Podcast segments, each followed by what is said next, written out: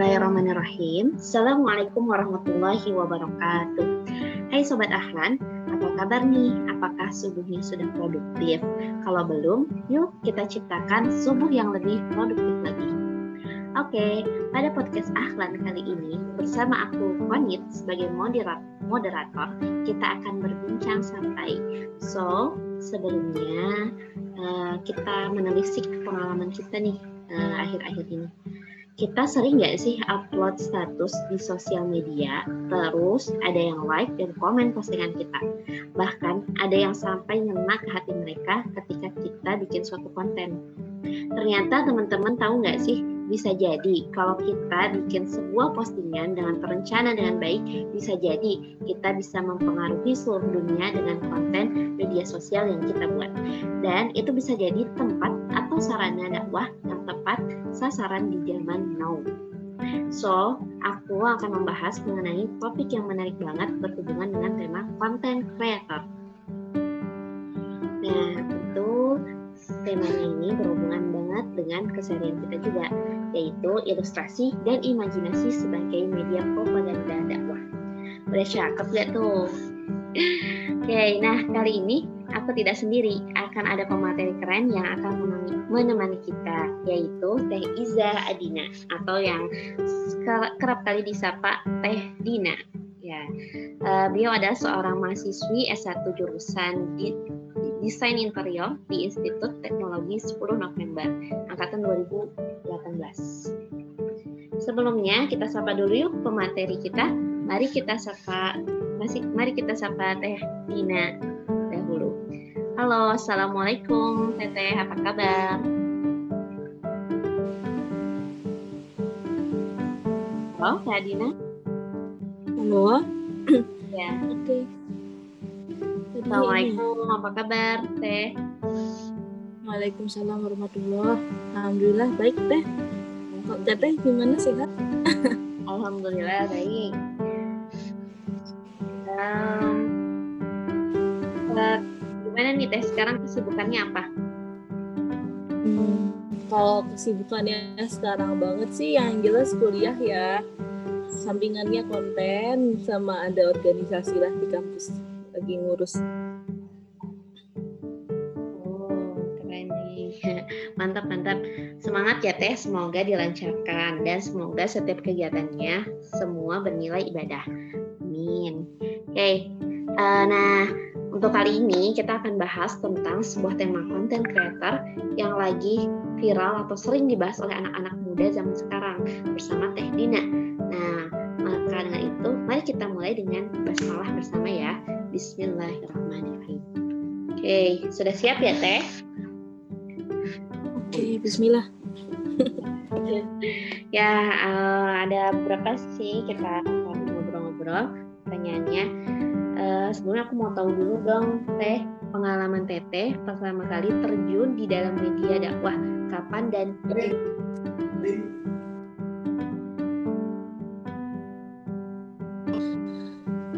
Halo? Ya. Belum. Aduh, kok Teteh terjun di dalam dunia media dakwah kapan dan di mana?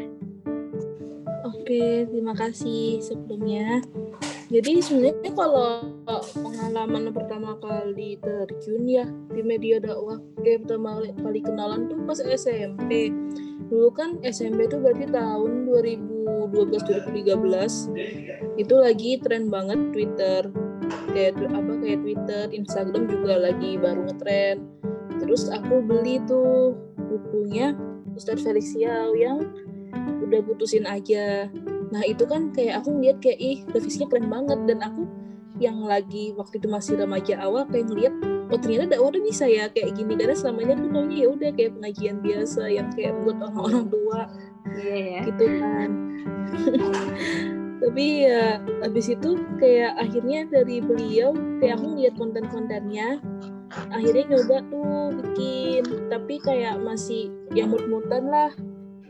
Terus SMA sempet kan SMA dia sama jadi susah megang jadi kalau kayak dibilang resmi mulai yang benar-benar niat tuh kayak berupa kuliah deh Oh gitu, oke okay, oke. Okay. Uh, eh,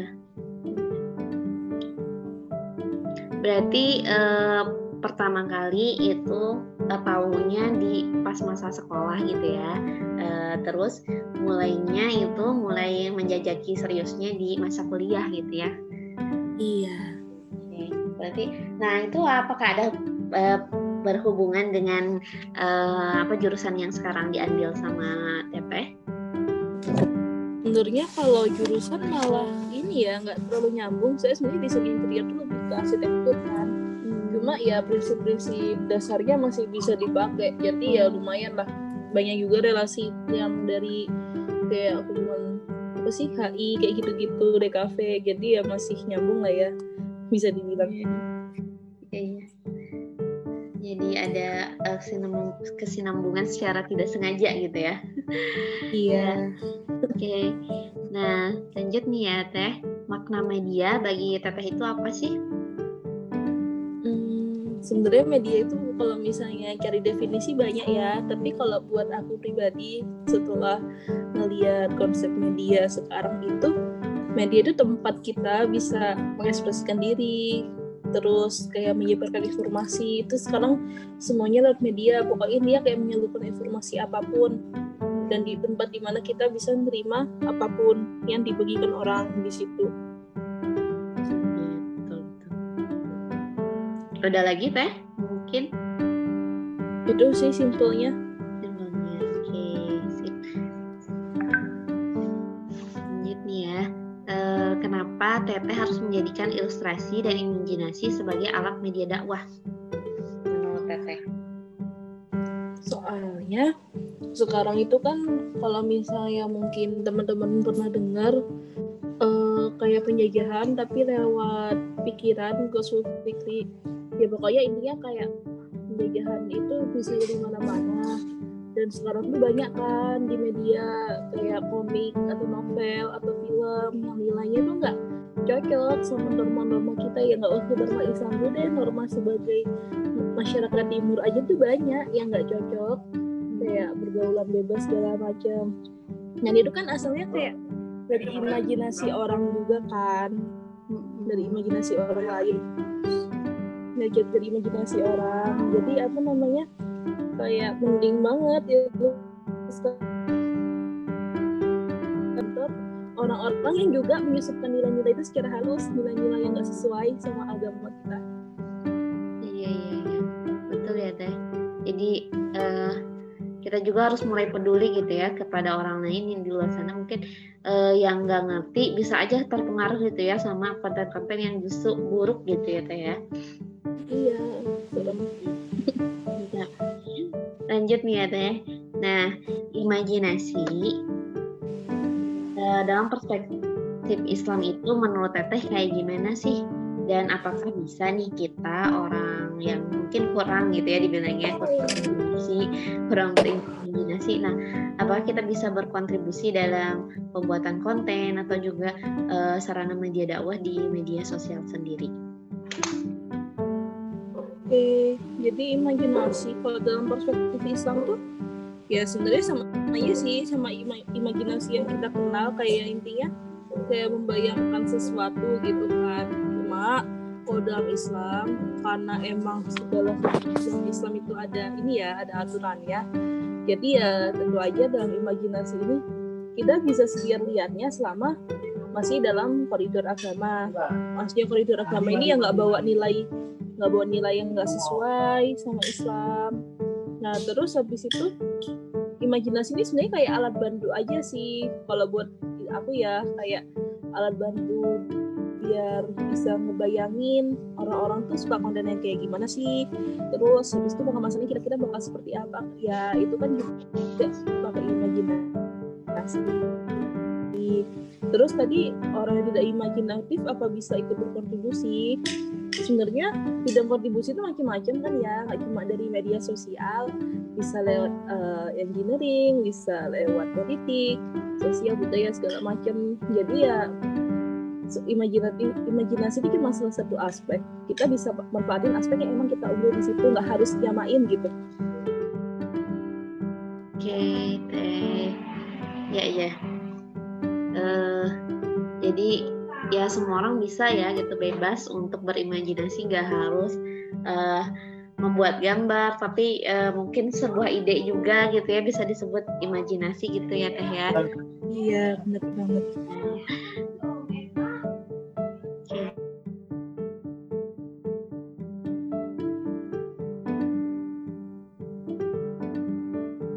Nah, kita lanjut nih ya, Deh.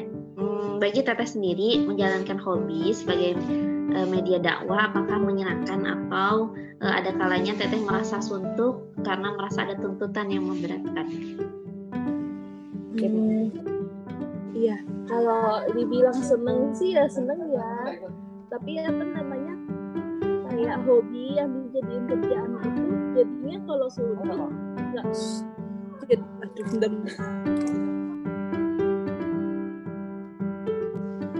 jadi apa namanya sebenarnya kalau hobi kan menyenangkan ya. Tapi ketika dia bikin kerjaan dalam kerjaan itu pasti ada sesuatu yang nggak enak juga. Jadi pasti rasa tertekan itu ada. Cuma ya balik lagi ya mungkin pernah dengar segala sesuatu itu ya berasal dari niat. Jadi kalau emang pas lagi ngedal atau lagi capek stres gitu ya apa ya istirahat bentar ingat lagi niatnya gimana. Jadi tetap apa ya nggak sampai yang benar-benar tekan banget gitu loh paham gak sih teh oke paham paham. Ya ya ya ampun ya ya jadi uh, apa ya kayak uh, ngerasa ya udah hobi gitu tapi ya kalau ditinggalin juga ngerasa kita ini juga ngerasa mau ngelakuin apa lagi orang hobinya kita ini gitu. Kadang ngerasa kayak gitu mungkin ya teh. Iya benar banget. Betul. Oke. Okay ada lagi yang mungkin dirasakan? Boleh nih curhat-curhat di sini ya oke kira-kira harapan teteh tentang dakwah Islam di media media masa sekarang gitu ya apalagi banyak konten konten-konten yang uh, sekarang bertebaran makin mungkin makin uh, tidak karuan gitu ya TikTok atau apa gitu nah sebenarnya harapan teteh sendiri untuk uh, menjadikan sasaran media dakwah uh, Islam itu uh, ke depannya ingin seperti apa sih?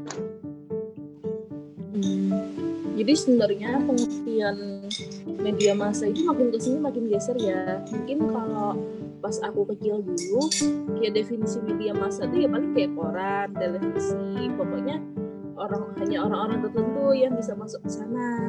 Tapi sekarang kan udah era, era sosmed yang benar-benar semua orang tuh bisa viral semua orang bisa ngebagiin pikiran mereka nggak ada filter nggak kayak kalau bisa masukin TV atau koran atau nerbitin buku itu kan ada editor jadi apa namanya harapannya dengan media yang semakin masif yang semakin banyak kita tuh bisa apa sih minimal ikut berkontribusi ada yang ikut berkontribusi di sana juga gitu loh. Karena pasti di sana itu ada target dakwah kita. Jadi apa namanya kayak bisa mungkin kayak langsung apa masuk ke segala sudut yang memungkinkan buat kita masukin gitu buat berdakwah harus masuk di dalam setiap sudut ya yang kita masukin loh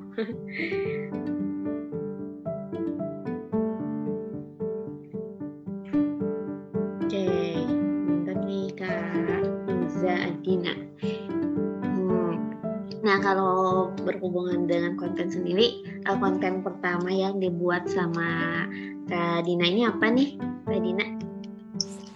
Hmm, konten pertama ya. Kalau misalnya konten pertama, jadi tuh aku dari SD suka gambar gitu di sosmed. Tapi baru ketemu kepikiran kayak yang bikin konten dakwah. Apa sih? Bukan kepikiran kayak nyoba-nyoba bikin ilustrasi. Waktu itu kan kayak influence banget sama si buku udah utusin aja itu. Jadi bikin ilustrasi kayaknya pengalaman pertama kayak gambar manual di foto masukin IG cuma kayak baru bener-bener konten yang kayak definisi konten zaman sekarang itu pas kuliah pas awal pandemi ini awal pandemi kan ke, uh, kebetulan di apa di kampus diamanahi buat buat apa? anak media gitu di acara Ramadan di kampus hmm. terus kayak ngurusin branding gitu-gitunya dan apa kayak content creator lagi tren banget kan pas hmm. itu jadi mau nggak mau belajar juga lah kok lagi penugasannya suruh bikin konten Nah, kalau ketagihan sampai sekarang. Iya, mantap ya. Jadi menjiwai gitu. Iya, uh, keren nih kak. Nah, tadi dari gambar ya awalnya.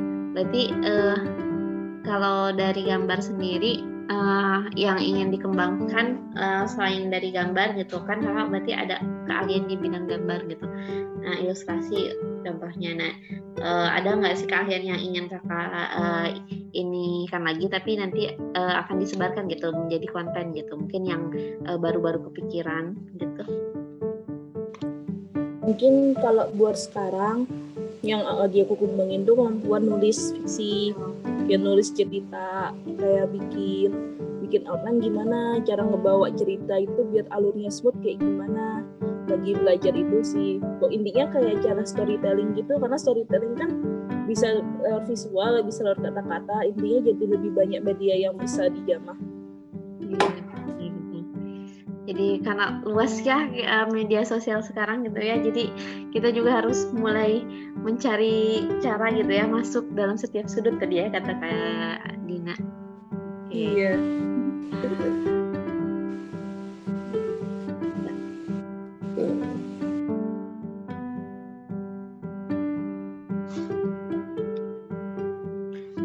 Masih ada waktu nih teh. Uh, sekitar 10 uh, ya 5 sampai 10 menit lagi.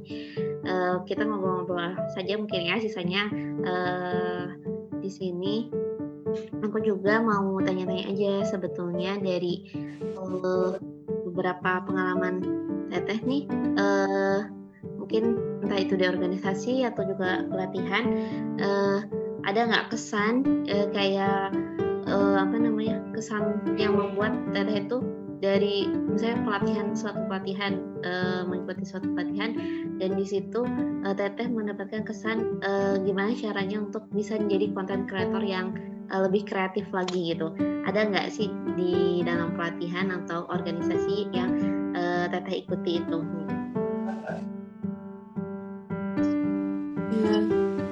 kalau ditanya gitu sebenarnya banyak banget ya. Jadi mungkin cerita dikit. Aku tuh baru mulai aktif organisasi segala macam pas kuliah. Jadi pas SMP SMA kayak anaknya pasif gitu kan. Terus ya udah cerita sama pengalaman yang aku tahu ya sebatas temen sekitarku aja. Ya teman seasrama teman sekelas. Kayak baru bener tahu dunia yang lebih luas tuh pas kuliah. Dan kayak pas kuliah ini baik di organisasi maupun pelatihan pelatihan ini nggak spesifik ini ya pelatihan konten kreator meskipun emang aku pernah ikut juga. Tapi intinya dari situ kayak aku tuh ngeliat ternyata karakter manusia itu semacam-macam ini.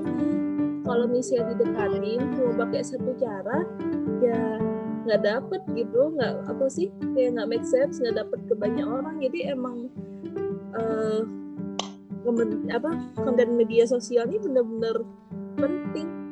Iya. apalagi kayak sekarang tuh sadar gak sih? Apalagi pas online gini konten-konten di media sosial tuh juga bisa bisa jadi salah satu cara kita buka pembicaraan cara kita tahu orang itu preferensinya apa. Yeah. jadi ya kita juga sebisa mungkin provide konten yang baik gitu. Hmm. yang cocok sama audiens kita. Yang ada faedahnya. Iya. Yeah. ya. Uh, benar-benar uh, kita juga harus uh, memfilter juga ya kalau bikin konten dan nggak uh, bisa sembarangan gitu. Karena pasti uh, orang juga ngelihat gitu ya maksudnya bisa menilai kira-kira konten yang kita buat itu uh, positif atau negatif gitu ya mungkin. Ya oke. Okay. terakhir sih ya uh, mungkin uh, pesan-pesan ya mungkin ini. Buat anak muda di sana uh, yang mungkin masih kayak oh males gitu ya uh, bikin konten wah ngapain sih gitu ya udah mending uh, apa jadi konsumtifnya uh, bagian konsumtif uh, menerima saja gitu daripada konten. Nah mungkin ada tips-tips atau uh, pesan gitu untuk pemuda-pemuda biar uh, semangat nih ayo kita coba gitu untuk masuk ke media sosial untuk bisa uh, ngajak orang dan lain-lain gitu. Ada mungkin ini sih kan sekarang tuh hidupnya serba virtual bahkan kalau pandeminya selesai ya emang udah masanya kita komunikasi itu banyak virtual nggak mungkin full offline gitu pasti ada yang online jadi mungkin kayak emang soft skill eh soft skill apa hard skill ya namanya kalau misalnya kayak kemampuan apa sih kemampuan memahami kultur sosial media, branding segala macam. Ya. Minimal kita tuh tahu dasarnya gitu loh. Jadi kita bisa berkontribusi sesuai bidang kita masing-masing. Mungkin teman-teman yang denger ini tuh yang nggak semuanya backgroundnya kayak mau jadi content creator gitu. Enggak, tapi minimal tahu dasar apa sih kayak main di sosmed itu kayak gimana biar satu nggak terjerumus ke konten aneh-aneh terus alhamdulillah kalau kita malah bisa kantor balik sama kemampuan kita kayak misalnya kita engineer apa sih kita insinyur atau nggak insinyur deh orang yang tertarik di bidang teknologi.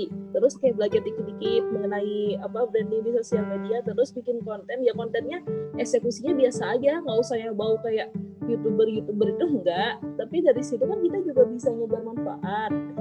Ya intinya kayak manfaatin apa yang kita bisa aja. Terus kan bisa kolaborasi juga. Itu itu kalau misalnya dari sudut pandang kreator ya kalau sebagai sudut pandang konsumen ya sekarang di IG di sosmed mana pun itu tuh banyak ya kayak kita bisa nge-mute kata-kata tertentu ngefilter apa bisa milih biar hashtag tertentu nggak muncul.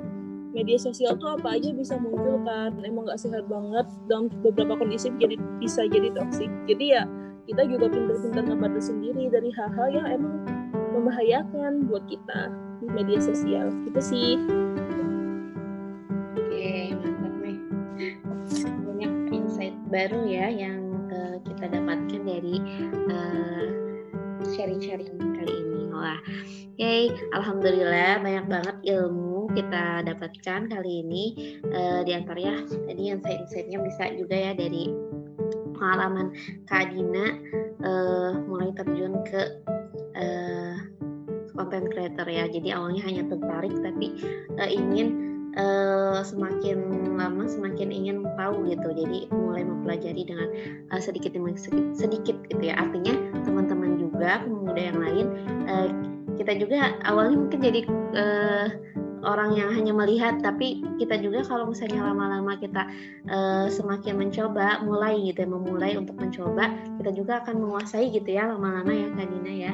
Nah itu luar biasa gitu. Jadi uh, segala sesuatu yang mau kita coba atau kita mulai itu uh, insya Allah nggak akan ada uh, apa ya nggak akan ada penyesalan gitu. Insya Allah kita juga uh, akan dapat uh, hikmahnya ketika kita udah benar-benar uh, menyukai gitu kegiatan itu. Nah tadi salah satunya Kak Adin itu uh, cerita tentang uh, menyukai uh, gambar itu. Jadi lama kelamaan makin banyak order, makin banyak uh, apa namanya uh, positif ya gitu dari hal-hal yang dibuatnya seperti itu gitu ya. Terus jadi uh, balik lagi ke niat ya kayak kita balik lagi ke niat kalau misalnya kita ngerasa capek bikin konten tapi ya kalau misalnya uh, kita udah benar-benar suka dengan dunia konten creator ya kita harus kembali lagi ke niat kita gitu. Nah terus media massa itu juga banyak ya. Ada kalau dulu mungkin hanya sebatas koran atau yang dicetak gitu. Tapi ternyata sekarang uh, lebih lebih luas lagi. Nah kita harus masuk di setiap sudut itu. Mantap nih. Ini kalimat dari Teh Anina ya. Uh, dan uh, kalau untuk orang-orang yang mungkin masih uh, masih awal gitu ya. Kita harus mulai dulu dari hal yang kecil mulai dari yang kita bisa apa pun ya dan nggak harus sendiri kita bisa ajak orang kolaborasi eh, dan juga mulai sama-sama kita ngajak orang lain juga untuk berbuat atau share kebaikan kayak gitu. Nah untuk yang eh, mulai tertarik sama tontonan-tontonan yang positif ya kita juga harus mulai membatasi gitu ya bacaan kita atau literasi kita eh, cara kita menangkap media sosial seperti apa kayak gitu ya kayak ya luar biasa sekali nih. Terima kasih banyak untuk Teh Adina ya yang udah sharing ilmunya. Semoga ilmu yang Teteh bagikan ini bermanfaat untuk kita semua. Oke, kalau kamu ngerasa banyak banget manfaat dari podcast ini, eh, mari kita sebarkan dan ingat jangan berhenti di kamu. Mungkin Teh Adina boleh eh, tutup dulu dengan kalimat sebelum saya menutup kalimat ya follow. Nggak nggak bukan bukan. Maksud aku ini uh, apa pun yang diterima di media sosial karena konten itu sifatnya olahan manusia imajinasi itu olahan manusia di apa ya diolah lagi dicocokin sama sumber-sumber yang udah pasti. Tapi untuk cara penyampaian itu bisa macam-macam jadi jangan ngejudge. Terus habis itu ini follow IG aku ya belum dimention kayaknya boleh boleh. Ini bisa melihat bukti. Lihat buktinya. At Izadina D nya dua. Nah yeah. dah ntar coba dicari oke okay, siap. Ya uh, jadi untuk teman-teman ayo kita sebarkan. Kalau benar-benar mau tahu ya bisa dengan follow akun-akun ya konten uh, creator yang uh, apa ya namanya yang sudah terjun gitu betul-betul. Salah satunya Kak IG uh, di IG Kak Dina ya, Adina ya, F Adina. Oke, okay. uh, terakhir aku akan tutup nih dengan sebuah pantun. Bapak Bayu tinggal di Kenya. See you di episode selanjutnya. Bye bye. Assalamualaikum warahmatullahi wabarakatuh.